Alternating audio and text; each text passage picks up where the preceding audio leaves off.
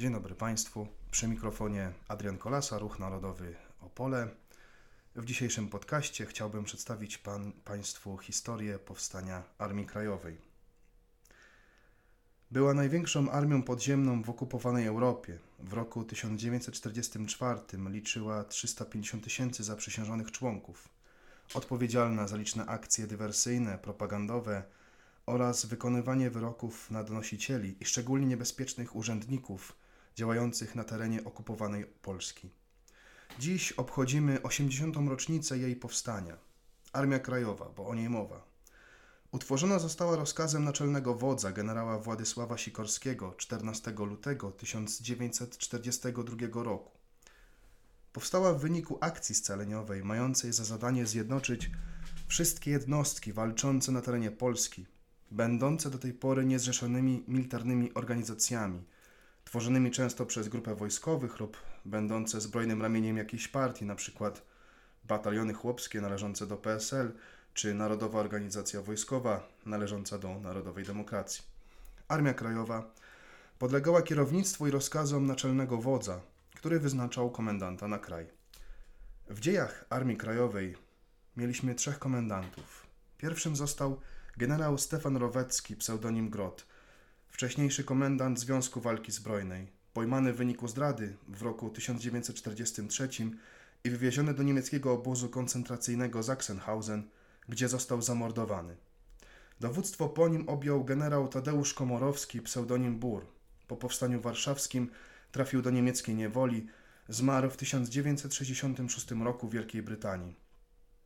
Ostatnim komendantem był generał Leopold Okulicki, pseudonim Niedźwiadek, który rozkazem z dnia 19 stycznia 1945 roku rozwiązał struktury Armii Krajowej. W 1946 roku zamordowany w Moskwie. Armia Krajowa składała się z siedmiu oddziałów organizacyjnego, informacyjno-wywiadowczego, operacyjno-szkoleniowego, oddziału kwatermistrzostwa, łączności operacyjnej, biura informacji i propagandy oraz finansów i kontroli, a także oddzielnego kierownictwa dywersji. Terenowa struktura odpowiadała przedwojennej administracji. Województwa dzielono na okręgi, powiaty na obwody, a gminy na placówki. Armia Krajowa finansowana była głównie przez polski rząd w Londynie, jak również sama zdobywała środki na swoje utrzymanie. Oprócz koniecznych środków finansowych starano się zaopatrzyć w jakże ważną broń oraz mundury. Warto zaznaczyć, że Polacy również sami produkowali broń, np. karabiny Sten czy ładunki wybuchowe. Głównym celem podziemnej armii było wywołanie w Polsce powszechnego powstania przeciw niemieckiemu okupantowi. Powstanie to miało przyczynić się do wyzwolenia spod niemieckiej niewoli oraz przywrócenia w Polsce legalnych władz państwowych. Dowództwo AK czekało na odpowiedni moment na wywołanie ogólnopolskiej insurekcji. Tym momentem uznano wycofywanie się Niemców z frontu wschodniego. Uważano, że Wehrmacht i Armia Czerwona tak wykrwawiły się w walce, że istnieje bardzo duża szansa na wyzwolenie Polski i przywrócenie jej suwerenności. W styczniu 1943 roku Armia Czerwona przekroczyła przedwojenną granicę z Rzeczpospolitą. Wtedy właśnie dowództwo AK podjęło decyzję o rozpoczęciu akcji o kryptonimie Burza, mającej na celu wyzwolenie Polski i pokazaniu się Sowietom w roli jedynych gospodarzy. W misji oswobadzania polskich miast nie obeszło się niestety bez pomocy Armii Czerwonej.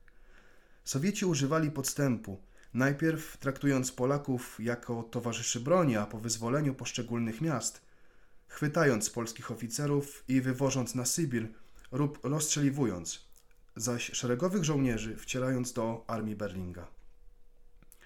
Kulminacją akcji Burza było powstanie warszawskie. Po jego klęsce AK uległa rozsypce. Oprócz akcji Burza, Armia Krajowa przeprowadziła na terenie kraju wiele innych operacji, oto niektóre z nich. Operacja V1 i V2, polegająca na zdobywaniu informacji na temat rakiet, które w założeniu Niemców miały okazać się bronią odwracającą losy II wojny światowej. Wywiad AK przechwycił niewypał jednej z rakiet i przekazał Anglikom.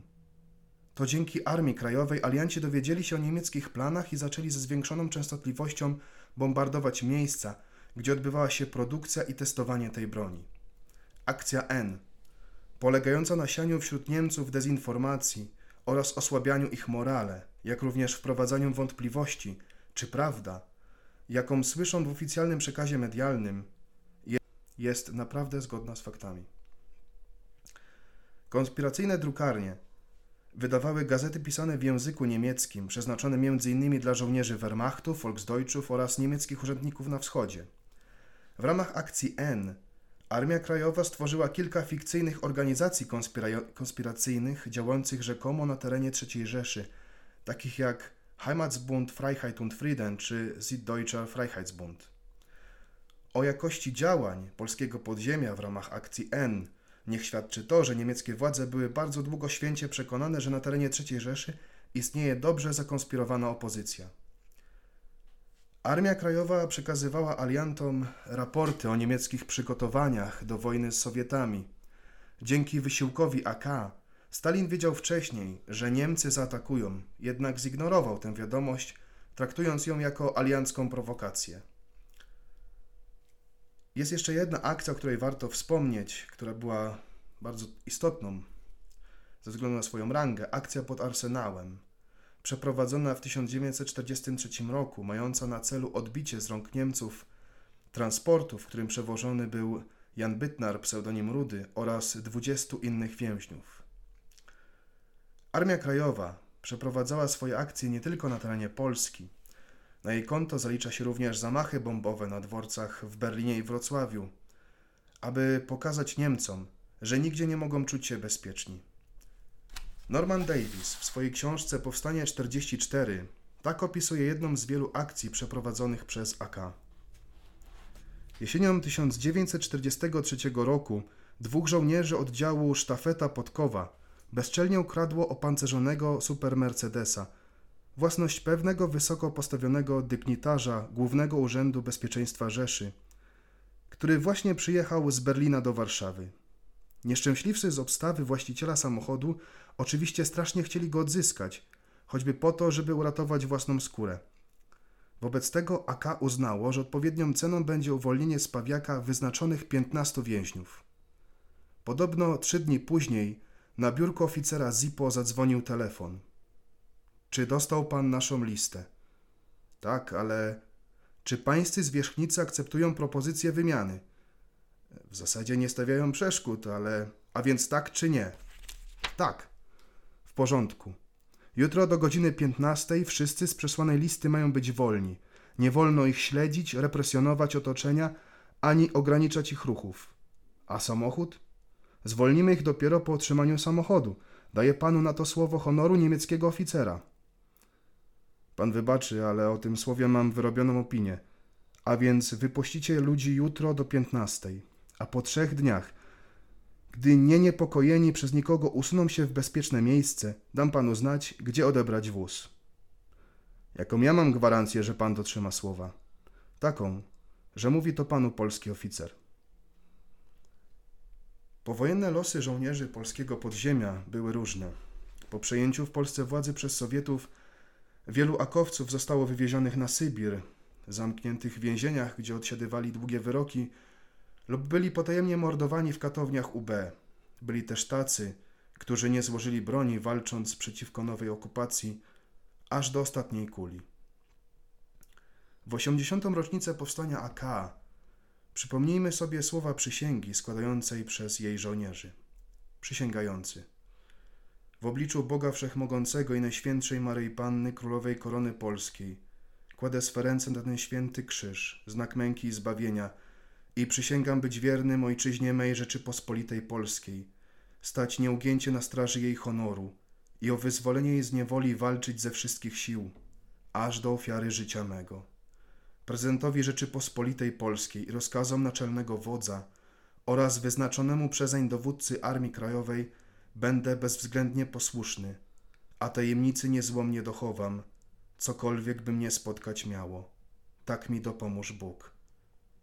Przyjmujący odpowiadał: Przyjmujecie w szeregi armii polskiej walczącej z wrogiem w konspiracji o wyzwolenie ojczyzny. Twym obowiązkiem będzie walczyć z bronią w ręku. Zwycięstwo będzie Twoją nagrodą. Zdrada karana jest śmiercią. Dziękuję Państwu za uwagę.